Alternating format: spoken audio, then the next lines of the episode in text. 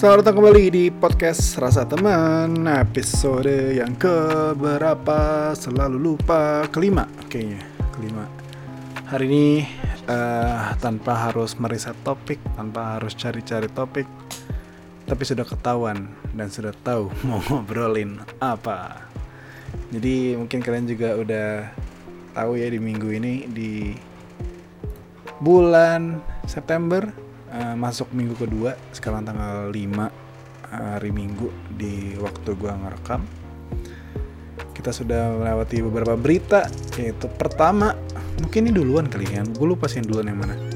Yang pertama itu mungkin yang uh, seorang pedangdut yang baru aja keluar dari uh, penjara karena kasus pedofilia. Dan satu lagi komedian uh, yang gue sering tonton juga yang tergabung di MLI uh, Coki Pardede yang diciduk sama polisi karena penyalahgunaan narkotika. Jadi sudah jelas kita akan ngobrolin apa? Kita akan ngobrolin tentang mungkin akan nanti gue judulnya judulnya gue nggak tahu uh, bakal nulis apa tapi kita akan ngomongin tentang KPI dan juga kasusnya Coki.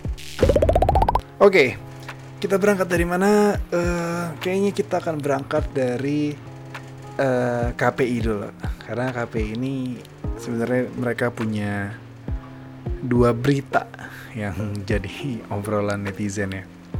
Jadi pertama uh, eh, KPI itu baru aja masuk berita karena di internalnya sudah terkuak berita atau enggak sebuah informasi bah bahwa ada kasus uh, apa namanya seksual ya. Jadi kayak uh, ada yang merasa dilecehkan di dalam uh, inst institusi.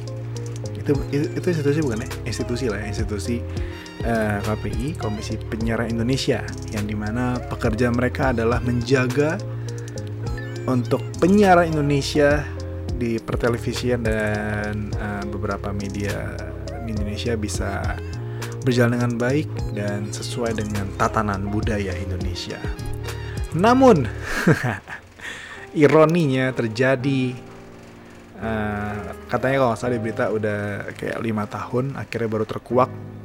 Ternyata ada uh, penyimpangan sebuah penyimpangan dilakukan di dalam internal dari KPI seorang oknum lah ya seorang oknum sepenglihatan gue, sepengetahuan gue dari KPI itu sudah ada beberapa action yang dia lakukan. Dia mereka mulai uh, apa namanya, ma mungkin menginterogasi, mungkin mencari tahu kebenarannya atau mungkin sudah ngecek ke korban dan sudah mungkin me mengetahui beberapa pelakunya ya di dalam uh, uh, KPI gitu ya. Tapi secara nggak langsung muncullah uh, Saiful Jamil yang uh, bebas dari penjara dan ada beberapa media. Kalian bisa cari cari tahu sendiri medianya apa. Yang pasti di, di televisi. Yang mengangkat dia dan langsung masuk ke pertelevisian Indonesia sebagai program. Bukannya dia ini ya bukannya dia bikin program baru enggak. Tapi mungkin nanti akan ada tapi dia langsung diundang di beberapa program. Tentu lah ya kalau yang kayak gini-gini emang kalau disuguhin ke beberapa audiens kita pasti banyak yang nonton. Yang namanya rating dan share pasti langsung meningkat ya segala macam. Tapi hal ini pun tidak uh, berjalan begitu saja. Karena di sosial media terlebih di Twitter atau enggak di Instagram juga sih kalau nggak salah um, sudah banyak yang mencekam. Eh kok mencekam sih?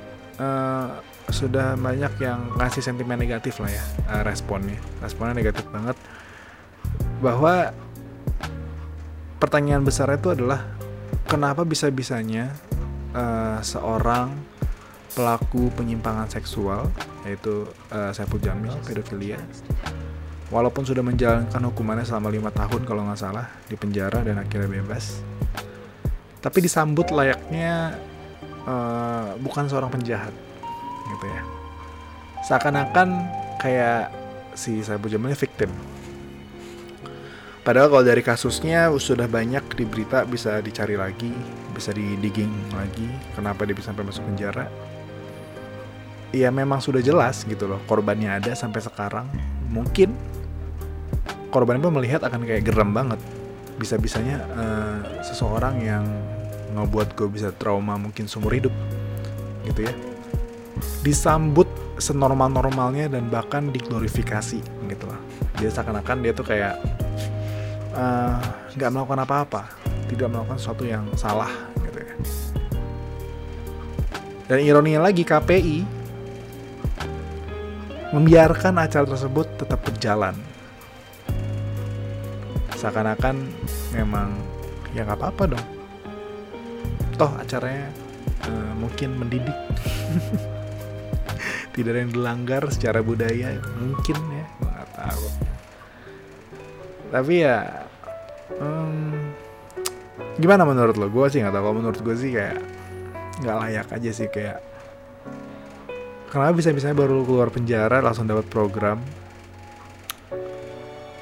Ya kan di mana mungkin banyak beberapa orang yang uh, akan merasa tersakiti gitu loh. Dengan masih tersakiti bahkan mungkin gak akan hilang gitu loh dengan apa yang dia telah perbuat.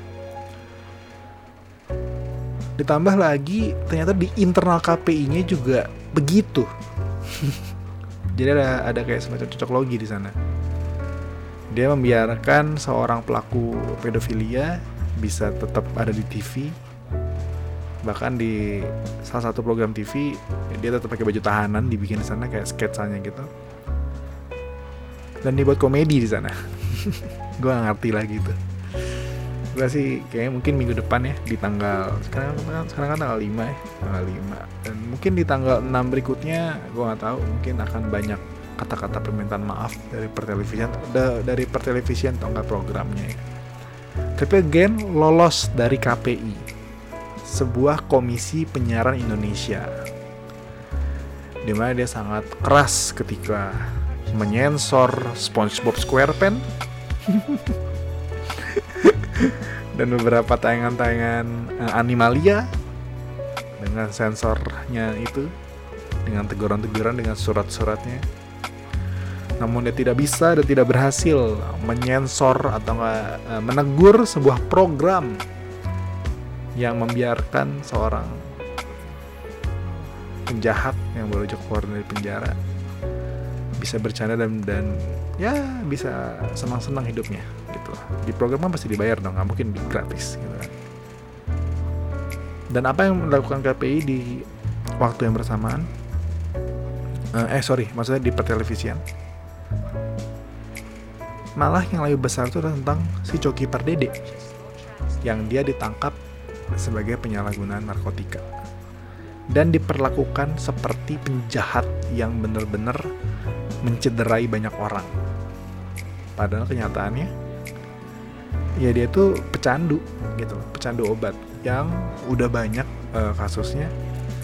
Seharusnya dia tidak bisa tidak tidak perlu di framing sebagai orang yang bersalah apa gimana.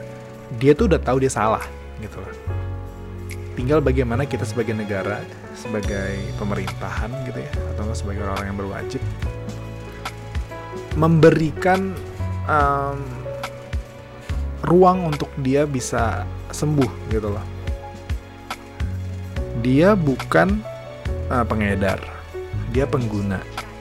Bahkan kalau misalkan kalian nonton video ketika ditangkap ya dia pun nggak nggak melawan sama sekali mengikuti semua instruksi dari yang menciduk dan gue juga agak risih sih sama yang ciduk. Kayak kalau misalkan lu ketemu sama yang so, seorang korban yang memang kooperatif ya udah bahasa lu santai aja gitu loh. Ya udah lu dia orangnya kooperatif nggak bakal ngelawan juga gitu loh. Kenapa lu harus kayak seakan-akan dia ngelawan gitu loh? Terus dia preskon akhirnya coki pres uh, coki pada dia preskon dia ngomong segala macam bla bla bla ya. Um, kata-katanya udah cukup tepat menurut gue dari Coki. Jadi dia minta maaf ke orang tuanya eh, ke manajemennya dia MLI dan ke orang-orang yang penikmat karyanya. Jadi dia nggak pernah bilang uh, untuk orang tuh nggak boleh benci dia as a person. Boleh aja tapi kalau misalkan lo masih suka sama karya gue ya tunggu gue balik dan nanti dia akan bikin lagi gitu loh yang mungkin much better dari yang sebelumnya gitu dengan pribadi juga yang baru setelah dia udah rehab gitu ya. Nggak tahu berapa lama mungkin bisa setahun bisa bisa lebih tergantung uh, prosesnya. Karena sebuah adiksi kalau misalkan gue pernah dengar dari pendeta Yeri di YouTube ada juga kalau misalkan kalian mau cari uh, memang itu tergantung dari niat dari orangnya jadi ketika niat orangnya sudah benar programnya juga dijalankan dengan benar di tempat lingkungan yang benar pula gitu ya ya pasti akan lebih cepat lagi uh, sembuhnya gitu loh dan MLI pun menurut gue menanggapi semuanya ini dengan sangat baik menurut gue gitu sih. Gimana menurut kalian ya menurut gue apakah ini hanya pikiran gue dan beberapa netizen mungkin yang di Twitter segala macam yang gimana ya instansi KPI kita ini bingung gue apakah dia memanfaatkan Coki Pardede yang lagi ditangkap diberitakan di mana-mana jadi semuanya ketutup gitu. Jadi semua lupa gitu loh dengan apa yang terjadi di kubu KPI gitu. Loh kayaknya sih kita nggak sebodoh itu. Kita pasti akan pasti akan banyak orang yang kayak beberapa sineas udah ada yang menyuarakan suaranya bahwa menarik ada film kalau nggak salah ada film tentang keluarga yang akan ditarik dari program TV itu atau sorry dari stasiun TV itu untuk tidak ditayangkan. Karena ya visinya tidak sesuai gitu loh dengan apa yang diharapkan dari sinias itu. Beberapa komika juga yang kayak kemarin eh kemarin. Tadi gue baru baca Ari Kriting juga sempat ditanyain sama sebuah TV untuk menggunakan kontennya Ari gitu ya.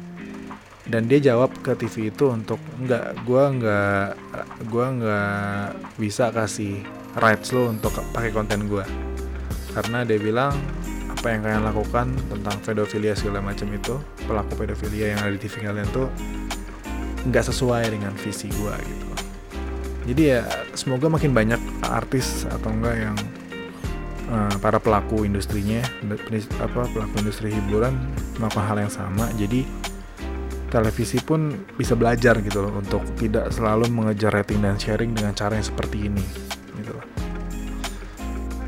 Kayaknya kita juga udah cukup muak lah ya. Beberapa konten yang kita bisa bilang terlalu membodohi tapi lagi-lagi mereka hanya berdalih dengan ya ini ini yang audiens mau gitu loh. Padahal mereka tuh punya role yang sangat penting menurut gue di televisi ya.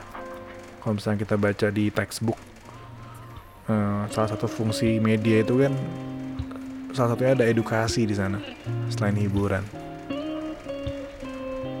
dan role edukasi kayak udah nggak ada sih dengan apa yang udah keluar banyak acara-acara sekarang. Terlebih ya ini si Saipul Jamil ini. Edukasi apa yang bisa kalian kasih gitu dari situ? Ya kan? Sensasi doang. Cuma sensasi dan nonton banyak rating sharing kalian tinggi again kalian uh, sangat patuh dengan Nielsen ya gue nggak tahu lagi sih. Uh, eh, gue juga bukan orang yang bergerak di dunia pertelevisian. Gue juga cuma cuma penikmat aja. Dulu pernah kerja di TV tapi kan ya bentar doang. Cuma jadi kreatif juga. Dan programnya pun tutup karena uh, salah satu yang uh, Panji ya Panji Pragiwaksono. Jadi kan gue pernah di 11-12 di Kompas TV Panji pun uh, bilang dia pun nggak nggak nggak terlalu percaya dan nggak percaya sama rating dan sharing dan tidak mau program itu harus mengikuti rating dan sharing gitu loh karena dia masih percaya ya penikmatnya ada aja gitu tapi nggak perlu di translate dari reportnya Nielsen yang memonopoli semua pertelevisian Indonesia ini gitu loh. Gitu sih guys. Semoga ya dari permasalahan ini media televisi tentu institusi kita juga semakin lebih baik. Mungkin perlu banyak regenerasi perlu banyak evaluasi. Dan mungkin ini bisa jadi pelajaran yang sangat berharga sih buat uh, mereka ya. Dan ya buat coki buat coki uh, gue sebagai penikmat komedi semoga lo bisa kembali dengan cepat uh, bisa tahu bahwa jangan sampai lu jadi konten yang biasanya lu bikin why sama tretan gitu. Lu kalau misalnya lihat itu tretan tentang yang uh, why itu ya why terultimate itu ya Coki Pardede. Ketika ditangkap sama polisi karena narkoba. Ya gitu aja sih tanggapan gue tentang uh, Saiful Jamil KPI dan juga uh, Coki Pardede gitu. Gimana guys kalau menurut kalian? Kalau misalkan kalian punya uh, tanggapan lain boleh langsung di link bawah tuh ada eh link bawah kayak YouTube kali. Di, Spotify yang kalian dengerin ini ada link untuk kalian bisa shout out gitu. Boleh di situ uh, suarain aja apa yang kalian mau terus atau enggak bisa juga di Instagram gua Andre Sebastian N3 di situ ada postingan tentang episode ini kalian bisa komen di bawah gimana tanggapan kalian ya get well soon lah untuk semua birokrasi institusi KPI dan media televisi dan media lainnya di Indonesia. Oke, okay, thank you udah dengerin uh, podcast salah satu teman episode yang keempat ini. Eh, empat apa lima ya? Ya antara itulah ya. Thank you. Um, kita akan ketemu lagi minggu depan. Eh, minggu depan banget nih, kalau misalkan nggak lupa. kalau misalnya ada topik-topik yang pengen di share, uh, nggak nggak bosan-bosan gue ingetin bisa langsung mention aja di Instagram gue ada sebelas tiga DM boleh kalau nggak bisa shout out langsung di link yang ada di Spotify kalian bisa shout out di sana nanti gue bisa dengerin uh, topik-topik atau enggak uh, kritik saran atau apa pun boleh banget langsung di uh, apa namanya disampaikan di sana. Nah kalau udah dengerin jangan lupa juga kalau misalnya emang kontennya bagus, kontennya sejalan sama lo, lo boleh juga add story, share ke gue jadi biar gue tahu oh ini loh orang-orang yang mungkin nggak ada di circle gue tapi lo dengerin juga gitu loh uh, podcast ini. Itu bakal means a lot sih buat gue gue sih nggak ngejar berapa yang dengerin tapi ya kalau banyak dengerin ya gue suka juga sih Oke, sampai ketemu di episode berikutnya di podcast Rasa Teman. Bye-bye.